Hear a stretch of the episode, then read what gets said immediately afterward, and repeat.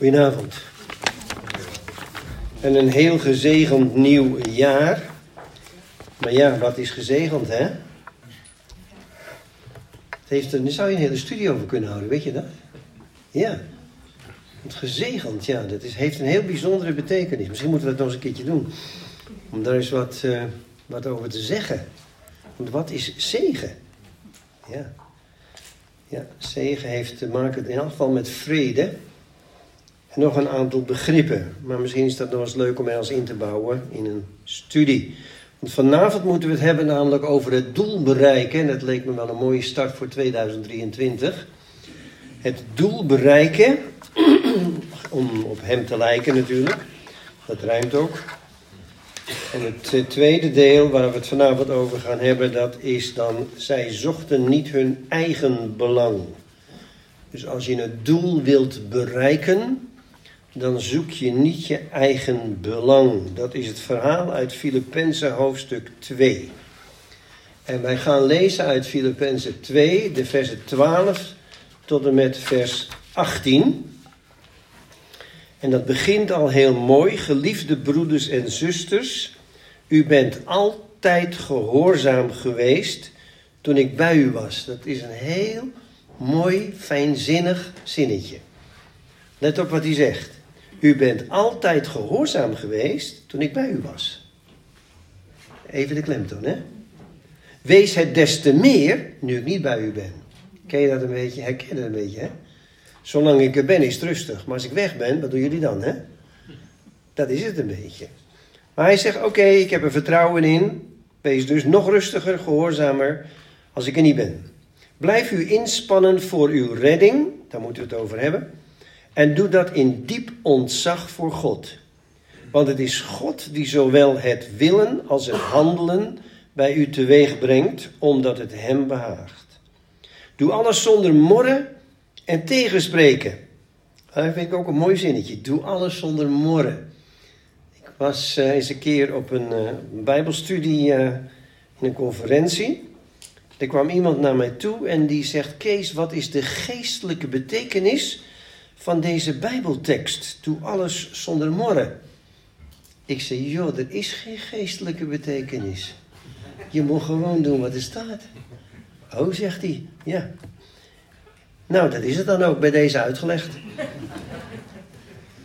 Opdat u zuiver en smetteloos bent, onberispelijke kinderen van God te midden van een verdorven en ontaarde generatie, waartussen u schittert als sterren aan de hemel. Houd daarbij vast aan het woord dat leven brengt, dan kan ik op de dag van Christus trots zijn, omdat ik me niet voor niets heb ingespannen en afgemat. Ik vind dat een bemoediging voor alle mensen die ook meewerken in de gemeente. Op de dag van Christus is natuurlijk altijd zijn wederkomst. Hè? En dan zegt Paulus dat zo heel mooi. Dan kan ik op de dag van Christus, als hij terugkomt, trots zijn. Als ik zie wat jullie allemaal doen, dan heb ik me niet te vergeefs ingespannen.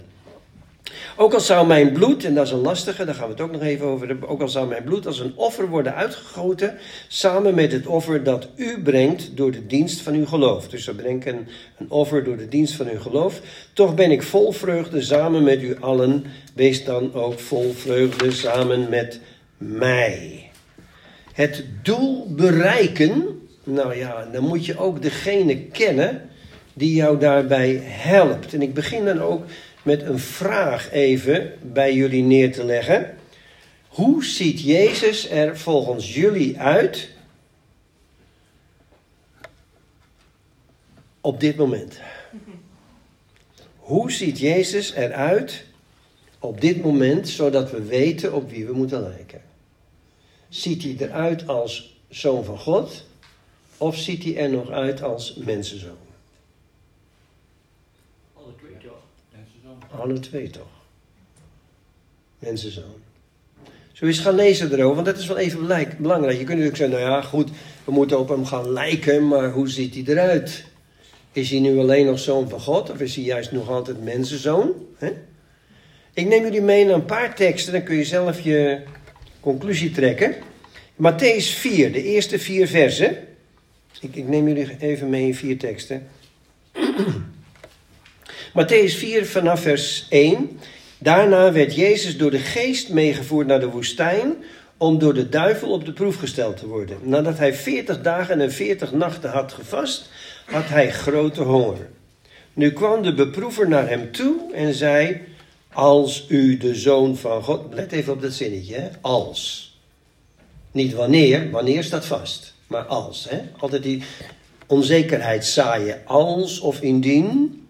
Wanneer verdrukking en vervolging komen, wanneer u staat te bidden, wanneer zegt altijd dat het zo is. Bij als is het altijd van, nou ja, als.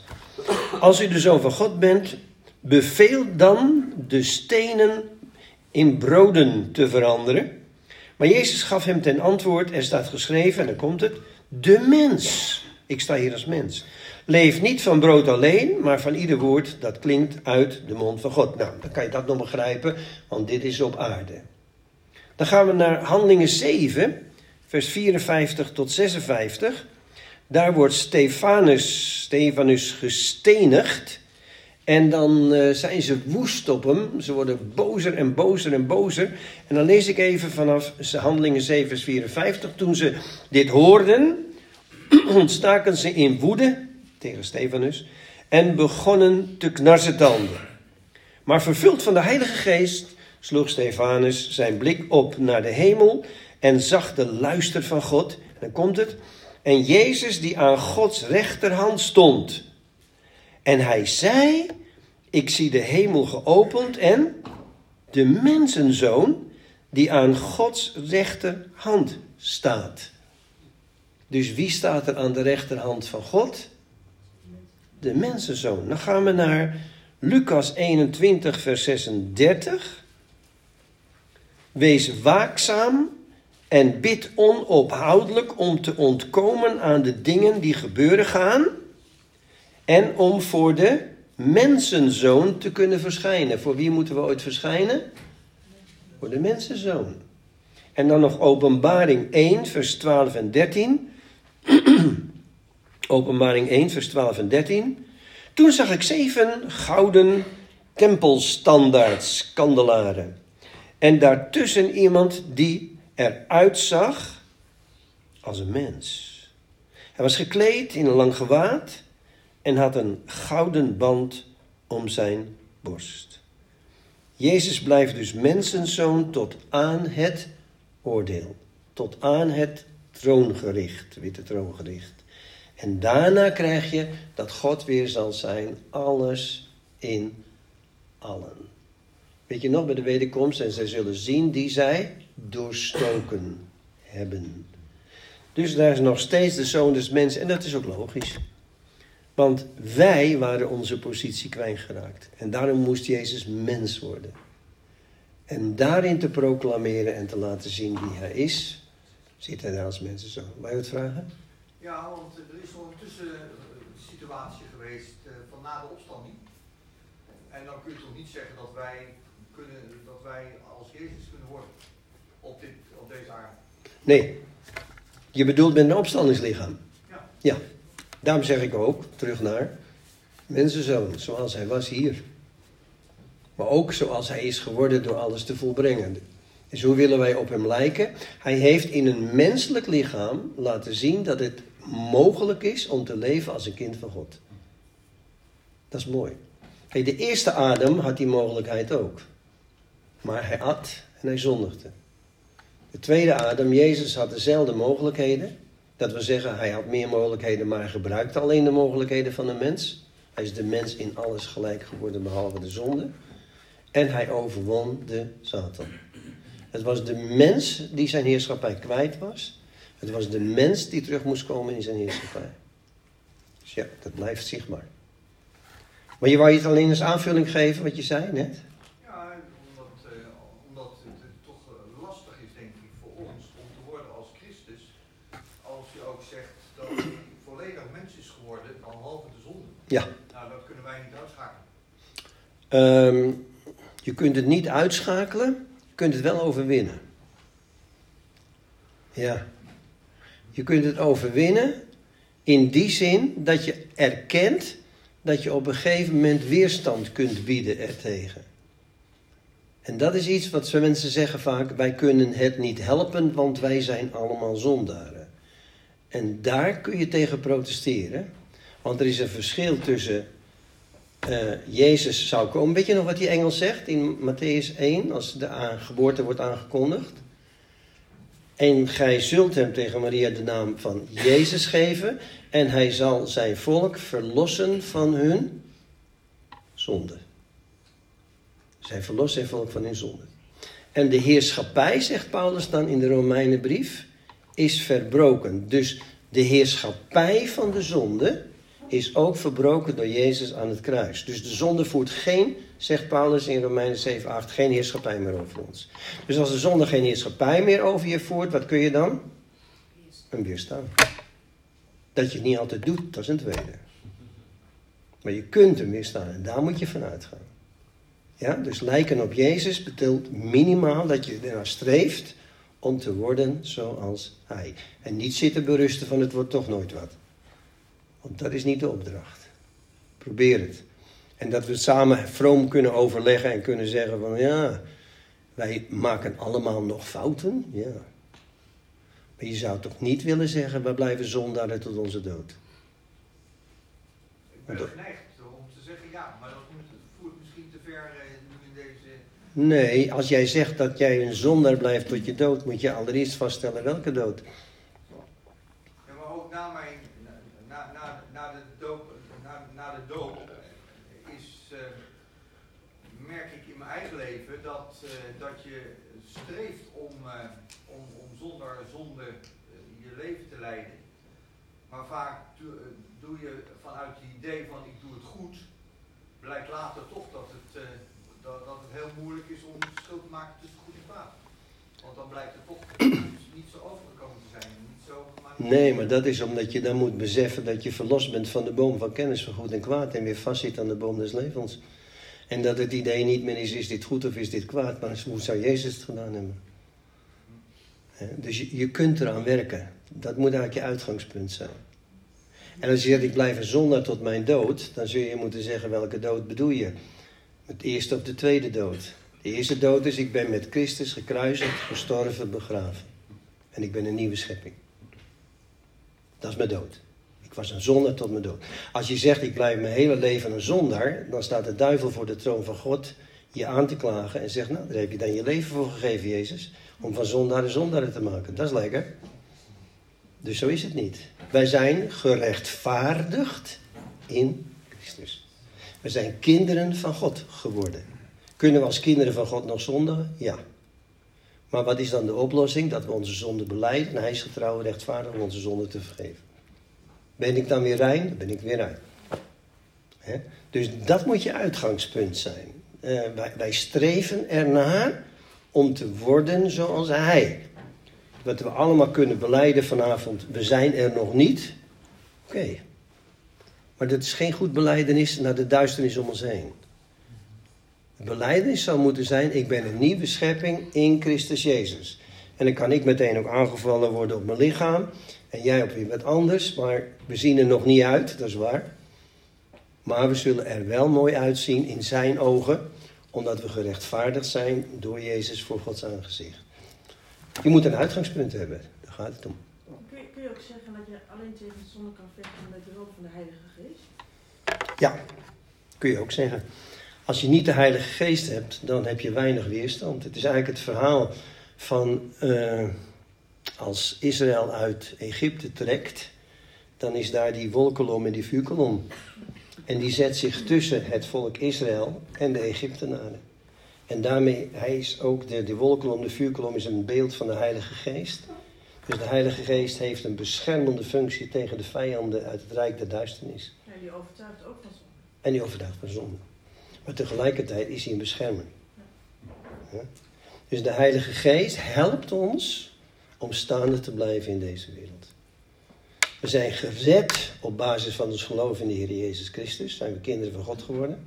En die kinderen van God kunnen zondigen, zeker. Maar de bedoeling is dat we daar steeds meer mee kunnen breken door de kracht van de Heilige Geest. Ja, dat we niet blijven hangen in wat er altijd fout ging, maar dat als we tot zondebesef steeds weer komen, onze zonde durven te beleiden. En hij is getrouw en rechtvaardig om dat te. Want hij weet wel wie we zijn. Ja. Maar de idee blijft hetzelfde. En dat is ook wat Paulus steeds aanreikt. Dat wij op hem mogen gaan lijken. Nou, dat brengt me meteen bij het volgende punt. Want dat klikt wel mooi in elkaar. Mark Twain, heb je misschien wel eens van gehoord. Mark Twain die schreef: Niets is vermoeiender dan een goed voorbeeld. Dus daar hebben we dan.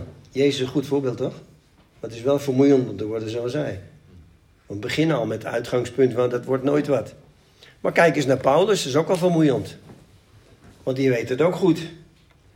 Dus een goed voorbeeld kan super vermoeiend zijn. En als Jezus en Paulus dan een paar van die goede voorbeelden zijn, dan zou je daar bij voorbaat al moedeloos van kunnen worden. Bewondering voor een groot iemand kan ons echter ook inspireren. En misschien zijn we dan nog niet in staat om hetzelfde te doen als die persoon deed. Behalve natuurlijk als die persoon met al zijn talenten bij ons binnen zou kunnen komen. Je kunt Jezus volgen door alleen naar hem te kijken als voorbeeld. Maar je kunt hem ook uitnodigen om bij je binnen te komen door de werking van de Heilige Geest met al zijn talenten. En dan helpt hij jou om meer en meer gevormd te worden naar zijn beeld. Nou, dat is, dat, dat is het idee dan, hè?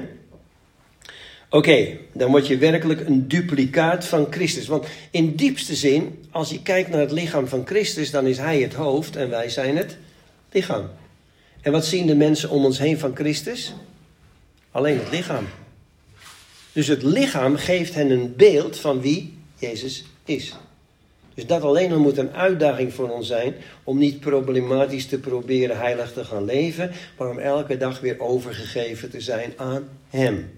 Zodat Hij ons kan vormen elke dag opnieuw naar dat beeld waar alles om draait. Oké, in Filippenzen 1 vers 1 maakt Paulus duidelijk dat hij schrijft aan de heiligen van de gemeente. Denk erom aan de heiligen, dus aan de behouden mensen. Hij schrijft daar niet aan de zondaren. Niemand kan door werken zichzelf behouden. Het is allemaal genade van de Heer. En als er dan staat in dat gedeelte wat we gelezen hebben, je behoudenis bewerken, betekent dat in de context je behoudenis tot volheid brengen. Dus er alles uithalen wat erin zit. Um, zo kun je het land bewerken maar je kunt het land ook heel intensief bewerken, zodat je een grotere oogst krijgt. Je kunt je leven bewerken, maar je kunt het ook intensief bewerken, zodat er een betere oogst uit voortkomt. Met andere woorden, veel christenen zijn tevreden met het feit dat ze behouden zijn. We gaan niet naar de hel, maar we gaan naar de hemel. En ze bedoelen dat ook als ze zeggen dat ze behouden zijn. Maar Paulus wil ons aanmoedigen om alles uit onze redding, uit onze behoudenis te halen wat erin zit. Het doel van dit alles is dat we op Jezus mogen gaan lijken. En hoe doen we dat? In Romeinen 8, vers 29 zegt Paulus dat wij ertoe bestemd zijn om het evenbeeld te worden van zijn zoon. Dus om op Jezus te gaan lijken moet eerst je denkwereld veranderen zodat je leert denken zoals Hij. En daarvoor heb je dan ook weer de Heilige Geest nodig. Want voor alles wat je doet heb je in principe de Heilige Geest nodig. Dus als je denken verandert, je denkt zoals Hij. En wat je denkt ga je doen. En wat je denkt dat ben je ook. Dat is dan super belangrijk. Hoe was het ook alweer? Wordt hervormd door de vernieuwing van je denken. Dat komt dan ook steeds weer terug. Nou ben ik het helemaal mee eens dat dit allemaal moeilijker lijkt dan het is. En nou staat er in Filippenzen 2 vers 13 dat God zowel het willen als het werken in u werkt. Als we tegen God zeggen wat wij willen, dat moet dan wel passen in Gods plan, dan zal Hij dat willen in ons uitwerken. Dus heel praktisch, Hij verbindt Zijn wil met mijn wil en nu willen twee hetzelfde. Ik wil heilig leven. God zegt, ik wil het ook. En nu heb je twee die hetzelfde willen. En waar twee of drie iets eenparig begeren, ik zal het doen.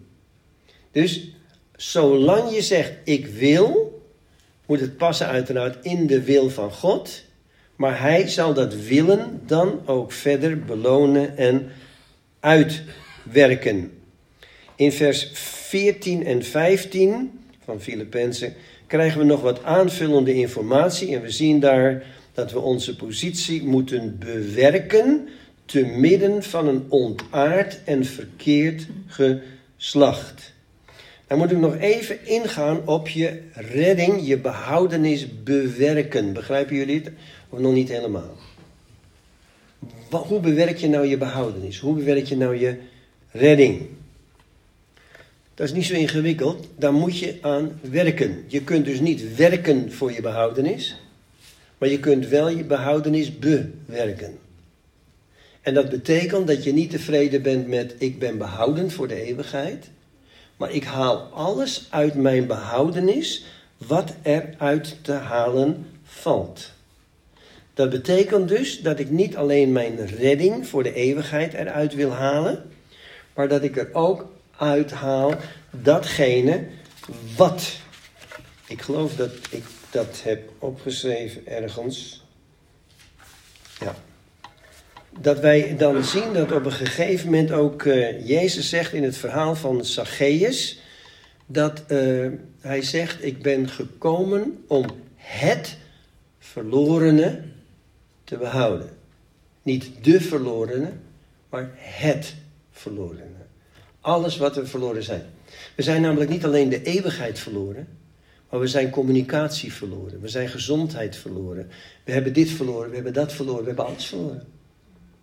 En door Jezus te aanvaarden, kunnen wij weer onze behoudenis bewerken. Dus alles wat we verloren zijn. Even los van het feit dat we verloren zijn. Dat we verloren zijn door de zonde.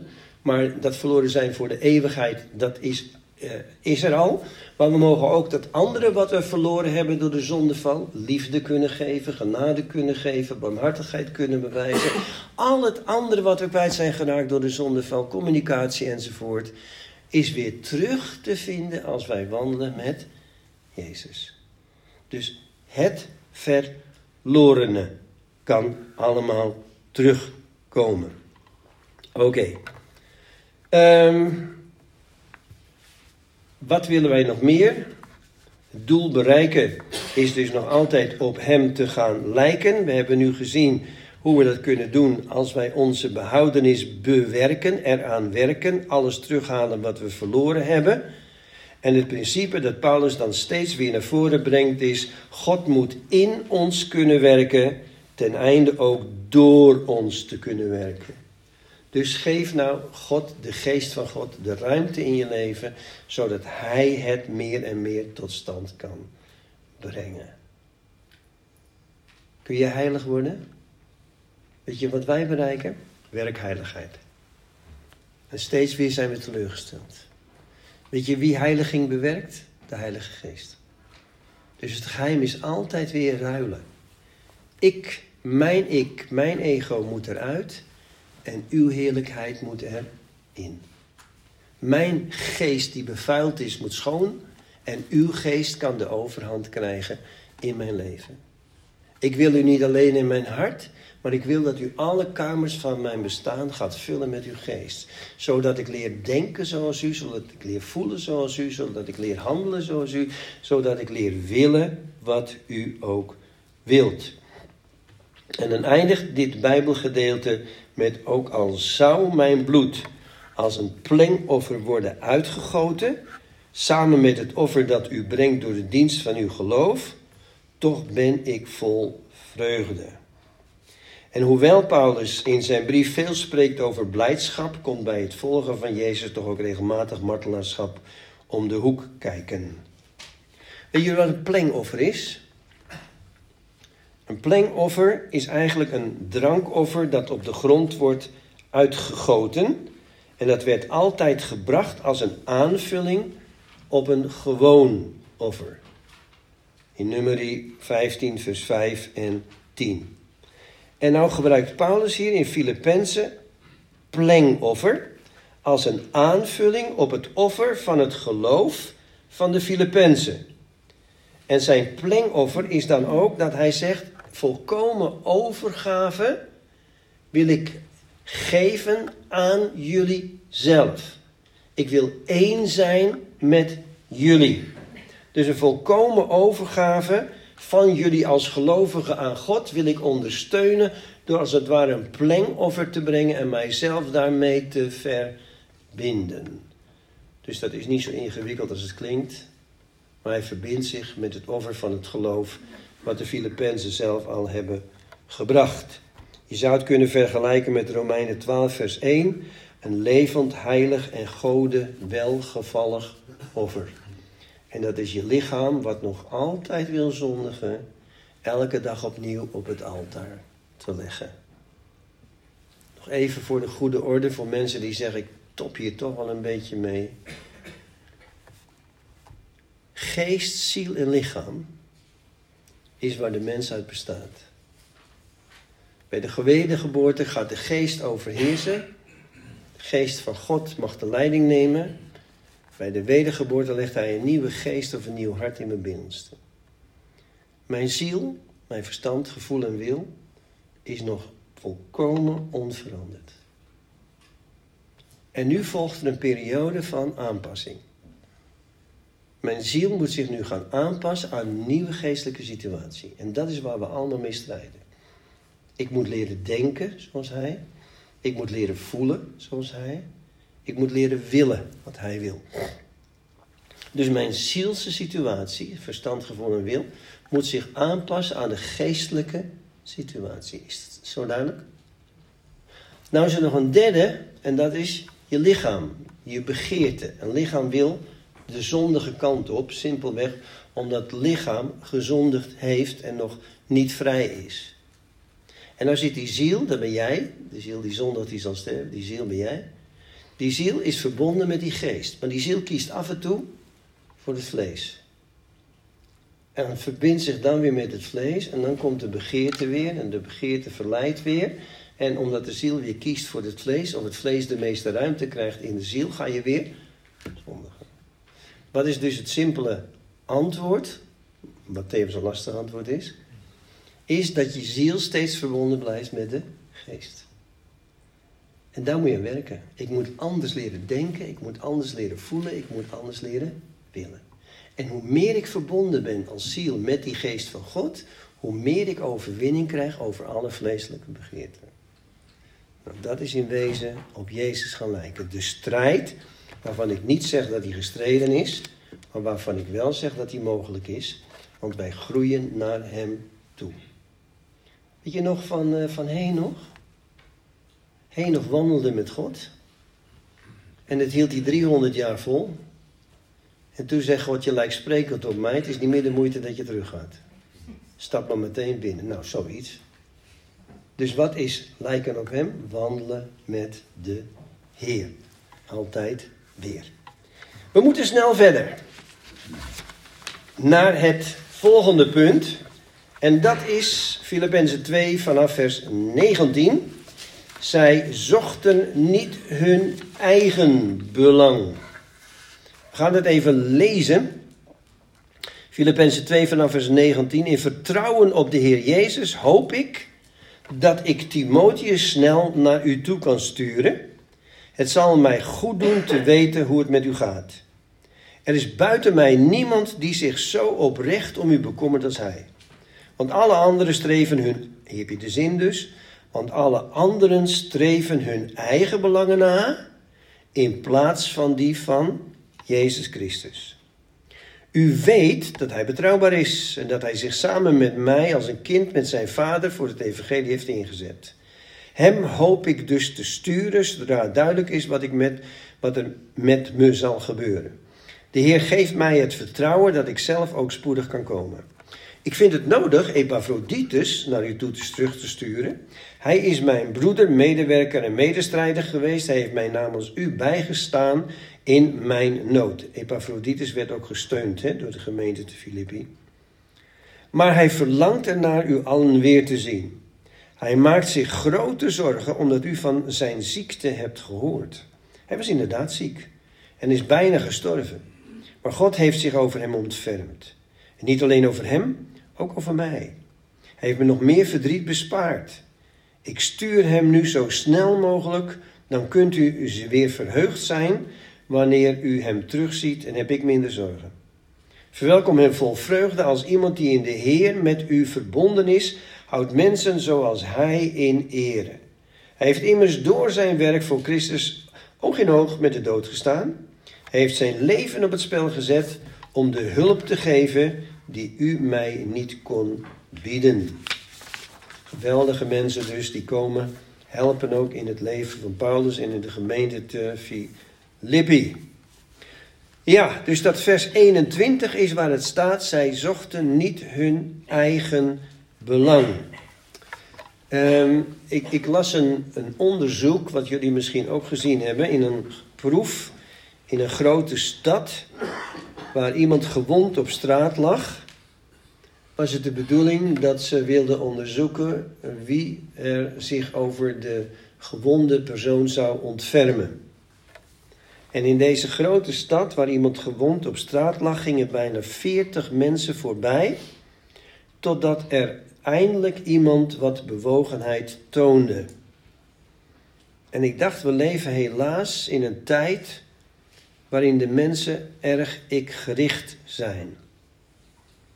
En als ik dan kijk naar vers 21 hier, wordt dat door Paulus benadrukt als hij zegt dat allen hun eigen belang zoeken en niet de zaak van Christus. Dan blijken er nog twee mensen te zijn die een uitzondering vormen op deze regel. En dat zijn de mannen die genoemd zijn Timotheus en Epaphroditus. En uiteraard hebben ook zij moeten leren om niet hun eigen belang te zoeken, maar zij hebben mogen leren dat zij ook anderen kunnen en mogen helpen. Om dit principe nou goed uit te leggen, neem ik jullie even mee naar Romeinen 15, de eerste drie versen. Daar zegt Paulus namelijk iets heel interessants op dit punt. En daar moeten we wel even naar kijken dan in deze studie. In Romeinen 15, vers 1 tot 3 zegt hij: Wij, de sterken, moeten de zwakken in hun kwetsbaarheid bijstaan. En niet ons eigen belang, daar heb je dat zinnetje, en niet ons eigen belang voorop zetten. Laat ieder van ons zich richten op het belang van de ander op wat goed en opbouwend voor hem is. O Christus zocht niet zijn eigen belang. Dus dat is een interessante tekst. En hou even vast, wij die sterk zijn. Wij de sterken. Niet je eigen belang zoeken, dat lukt pas als we volwassen willen worden in het geloof. De Bijbel spreekt daarbij over gelovigen die aan de melk blijven en over mensen die toegekomen zijn aan vaste spijs. Dat staat even voor jullie informatie in Hebreeën 5, vers 13 en 14. Daar gaat het over de melkgelovigen en de vaste spijsgelovigen. Even ter informatie. Er is een duidelijk verschil tussen melk en vlees. Je kunt een koe dagelijks melken en ze vindt het nog prettig ook. Begin echter aan haar vlees en het is afgelopen. Dat betekent dus redding de melk. Melk drinken is redding pakken. Redding de melk, de beginselen van het evangelie, kosten ons niets.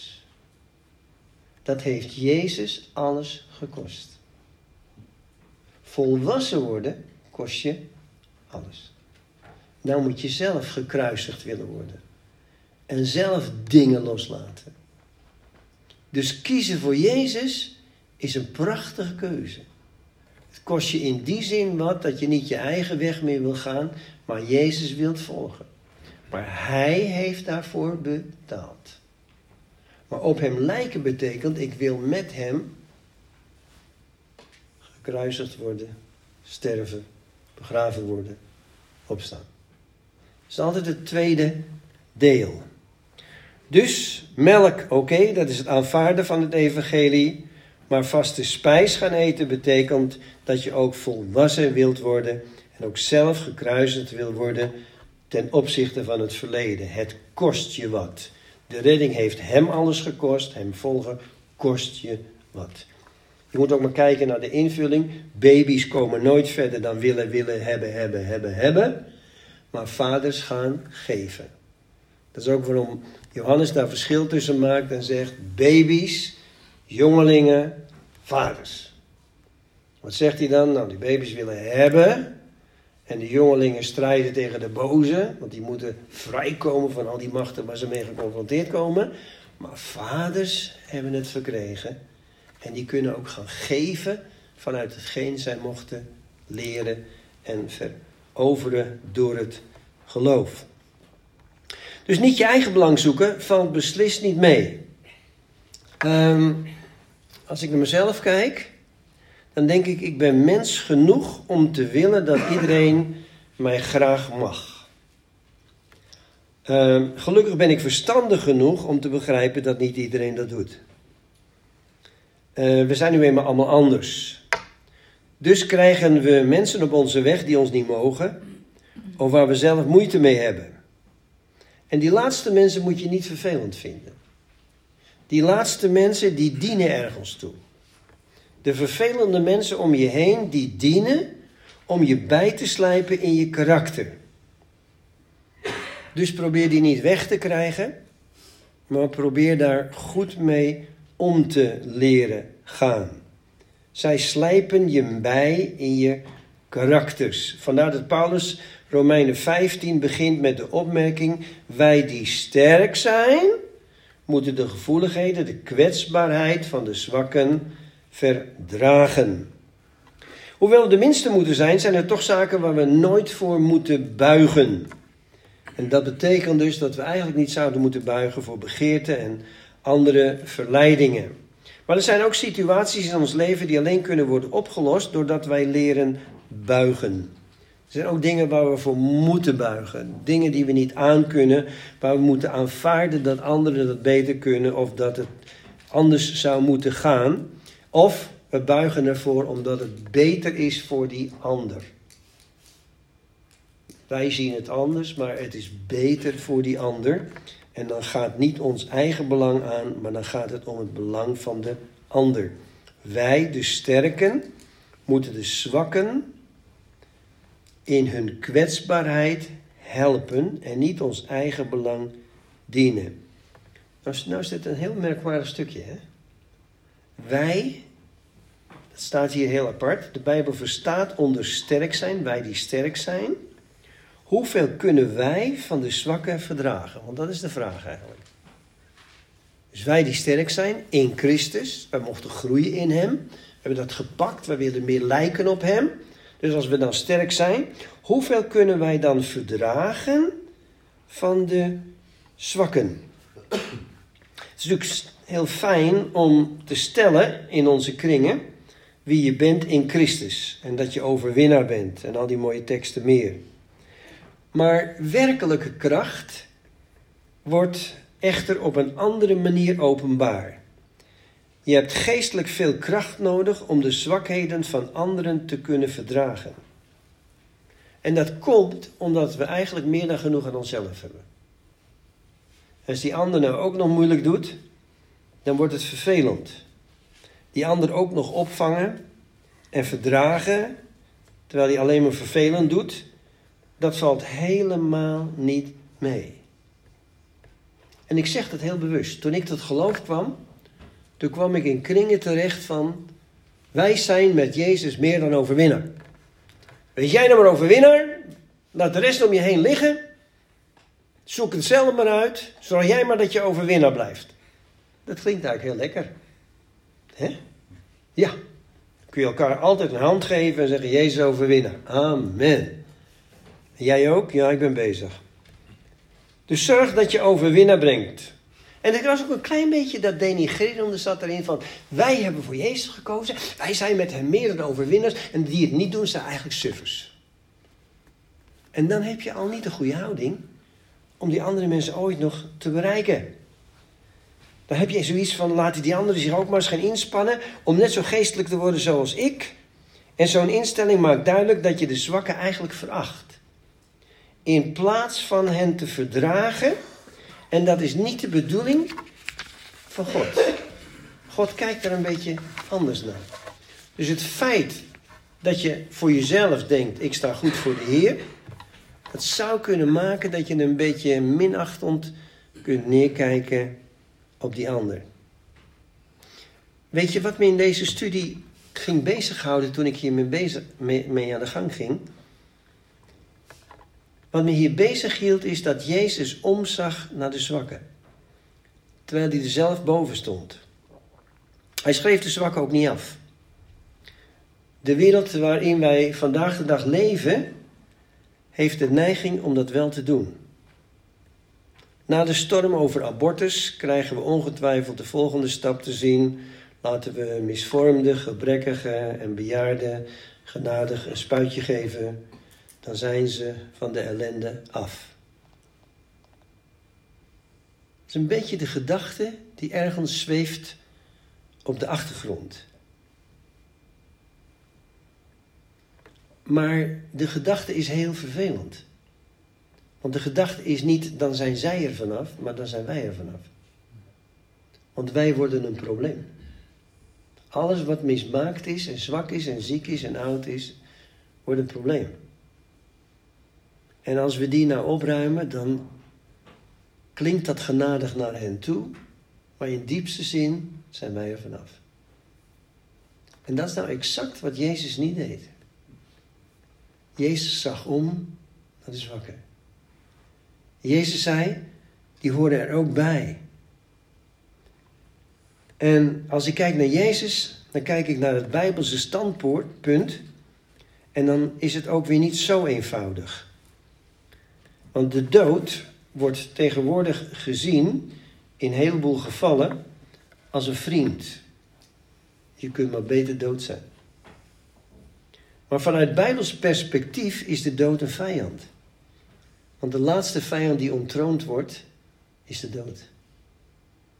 Vandaar dat als wij als christenen sterven, wij niet vluchten in de dood, maar in het leven. Want de dood is niet de oplossing. De oplossing hebben we gevonden in het feit dat we eeuwig leven hebben. We zijn niet meer dood te krijgen. En dat is de andere kant. En daarom is het zo heerlijk om je te realiseren dat je sterk mag zijn. Ondanks je pijn, ondanks je ziekte, ondanks alle ellende, mag je sterk zijn. Want er is niets zo onaantastbaar als het leven van Christus. Het is eeuwig. En als dat in je woont, dan zit dat eeuwige leven in jou. De vijand, de dood, is ook overwonnen inderdaad door Jezus, maar hij blijft toch een vijand. En als we echte christenen zijn, dan schrijven we het zwakke niet af. Als je kijkt naar de eerste christenen, dan bleek juist hun kracht daaruit dat zij de zwakken hielpen om nog iets van het leven te maken. In de eerste christengemeente werd omgezien naar de zieken en de zwakken. Dat maakte indruk op de wereld. Mensen die geen kant meer op konden, werden door christenen bezocht en door hen getroost en op een nieuwe weg van hoop gebracht. Het afschrijven van zogenaamd hopeloze gevallen is geen beeld van kracht, maar van zwakheid. De Bijbel zegt dat we Jezus moeten behagen en hij zag om naar de zwakken. En de vraag is dan ook, wat is mijn kruis? Want ieder muisje, zeggen wij dan, heeft zijn kruisje. Als ik de Heer behaag, dan behaag ik niet meer mezelf. Wanneer behaag ik de Heer? Als ik gehoorzaam ben. Dus als ik de Heer behaag, ben ik niet meer bezig met mezelf. Andersom, als ik mezelf behaag, kan ik me afvragen of ik de Heer nog wel behaag. Dat betekent dat ik constant nee moet zeggen tegen mijn eigen begeerte. En in Lucas 9, vers 23 staat: Tegen allen zei hij, Jezus, wie achter mij aan wil komen, moet zichzelf verloochenen en dagelijks zijn kruis op zich nemen en mij volgen. Dus wat is de eerste stap die je moet doen als je Jezus gaat volgen? Zelfverloochening. Zo'n rottig woord, hè? Zelfverloochening. Zonder die instelling kun je kennelijk niet achter Jezus aan. Als je mij wilt volgen, zegt hij, verlogen je jezelf. Ben jij niet meer belangrijk, maar draait alles om mij. En dan staat er nog iets rottigs. Er staat dat je dagelijks je kruis moet opnemen.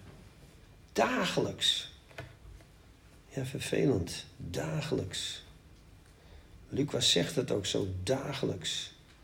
Daarom lees ik die tekst ook altijd uit Matthäus 16, vers 24. Een stuk rustiger. Daar is het woordje dagelijks weggelaten namelijk. Dus als ik de tekst citeer, kies ik meer voor Matthäus dan voor Lucas. Want dagelijks je kruis opnemen, dat is toch wel vervelend. Er zit een enorm misverstand in het opnemen van je kruis. Er zijn tig mensen die je tegenkomt en die zeggen: Mijn kruis is mijn zieke man, mijn zieke vrouw, mijn zieke kinderen, mijn uh, gebreken. En uh, dat is mijn kruis. Alleen het punt is dat alle pijn, ziekte, zonde, dood zijn overwonnen aan zijn kruis. Dus als Jezus zegt je moet dagelijks je kruis opnemen, dan heeft hij het niet over ziekte, dood en narigheid, want dat heeft hij zelf op zich genomen. Dus wat is dan mijn kruis? En daar zit het punt. Mijn kruis is in diepste zin waar Gods wil en mijn wil elkaar kruisen. Niet mijn wil, maar uw wil geschieden. Dus mijn kruis opnemen is dagelijks ervoor kiezen, niet wat ik wil, maar wat u wil. Daar zit dat kruis. En dat is lastiger dan wat ik nou zo even zeg. Dat hebben jullie allemaal gemerkt, want anders hadden we die inleiding ook niet gehad daarnet. Dit zeg je makkelijk, maar het is heel moeilijk om in praktijk te brengen. Niet wat ik wil, maar u wil. Ik wil zoveel nog. Is het allemaal fout wat ik wil? Ik denk het niet. Maar het gaat er toch om dat hij op die eerste plaats mag staan. Dus dat kruis wat ik dagelijks opneem is niet mijn ziekte, is niet mijn pijn, is niet mijn ellende, maar is altijd weer niet wat ik wil. Want het begint met zelfverloochening. Ik verlogen mezelf als ik zeg het gaat niet om mij, maar het gaat om Hem. En de plaats waar wij het besluit nemen dat wij niet onszelf willen behagen, is op het moment dat wij kiezen voor die zelfverloochening en achter Jezus aangaan. Let even op Jesaja 43, vers 7. In Jesaja 43, vers 7 staat het mooiste antwoord wat je krijgen kan op de vraag waartoe zijn wij op deze aarde. En dan zegt Jesaja 43, vers 7. We zijn op deze aarde om God te verheerlijken en te eren en te leven voor zijn eer. Waartoe zijn we op deze aarde? Om God te verheerlijken. Want alles is gemaakt om Hem te verheerlijken. Dieren, de mensen, alles wat adem heeft, prijzen de Heer. Zelfs de bomen klappen. Met andere woorden, we zijn gemaakt om God te verheerlijken. Dat is het doel. Dus, als Jezaja dat zegt in hoofdstuk 43, vers 7, we zijn gemaakt om God te verheerlijken. En als we dat dan doen, komt God daarin ook tot zijn doel. Dus je kruis opnemen is dagelijks afrekenen met wat jij wil en gaan doen wat God wil. En als je die gezindheid kunt opbrengen, dan wil ik nog niet zeggen dat het je lukt, maar dan heb je wel de juiste gezindheid. En weet je wat zo goed is van gezindheid? God ziet je hart aan. Is dat niet prettig? Weet je wat? En ik vind het meteen wel een mooi antwoord op je, op je vraag daar. Weet je wat ik zo fijn vind van God? Hij kijkt niet altijd naar de uitvoering, maar hij ziet je hart aan. Vind ik mooi. David is een man naar Gods hart. Ondanks de Bathseba-affaire en ondanks alles wat hij gedaan heeft. En waarom is hij een man naar Gods hart? Omdat bij alles wat hij fout deed, er een enorm diep verdriet was. Dat hij God verdriet had gedaan. Berouw over zijn zonde. Hij was een man naar Gods hart. Als God zou kijken naar de uitvoering, dan zou hij zeggen: Ik kan het allemaal veel beter. Toch? Heb verhaal eens verteld toen ik nog in Zwolle woonde in een uh, gezinswoning, hadden we een garage om de hoek. En dan op een gegeven moment werd die garage duurder, want die moest je apart huren. En ik dacht, nou, kinderen zijn de deur uit, ik huur dat ding niet langer. En ik maakte hem leeg en ik was hem aan het schoonvegen. En er kwam een jongetje uit de buurt, jaar of zes, zeven. En die keek me helemaal stralend aan en die zei, ik zal je wel even helpen. Ik zeg, denk je dat? Ja, zegt hij. Zeg, nou, hier heb je een, een, een bezem, een veger. Maak het maar schoon. En hij ging tong uit zijn mond. Ging hij die hele garage uitvegen. We zaten helemaal in de stofwolken samen. En toen hij alles heen en weer geveegd had, keek hij me stralend aan. En hij zei, is mooi geworden, hè? En ik had niet de moed om te zeggen, wat een rotzooi. Ik zei, joh, heerlijk. Prachtig. Hier heb je wat geld, koop een ijsje. En dan heb ik het zelf opgeruimd. Nou, mijn vraag. Was zijn hartsgesteldheid goed? Ja. Ja, alleen de uitvoering was niks. Kijk, en zo is God. God kijkt naar je hartsgesteldheid. De uitvoering is niks hoor. Wat je ook doet. Hij kan het allemaal veel beter. Dus maak je niet illusies dat je het goed doet allemaal. Hij kan het beter. Maar hij vindt het goed. Als je hartsgesteldheid goed is, vindt hij het goed. Dus dat is meer op hem gaan lijken. En als ik op hem wil gaan lijken, dan kom ik terug bij dat ene zinnetje wat we nu hebben gekozen in Romeinen 15. Wij die sterk zijn, kunnen de gevoeligheden van de zwakke verdragen. Dat betekent, gebeurt van alles om me heen. Wat vervelend gaat, mensen lopen te klungelen en te klunsen misschien om je heen. Mensen maken fouten, ik maak fouten. Maar tegelijkertijd, als wij gekozen hebben voor Hem, ziet Hij ons hart aan. En als Hij ons hart aan ziet, dan betekent het ook dat ons hart uitgaat naar de zwakken. Onze naasten die het moeilijk hebben. Want wij moeten God lief hebben en onze naasten als onszelf. En dan zijn we weer bezig met niet ons eigen belang te zoeken, maar dat van God. Dat was het.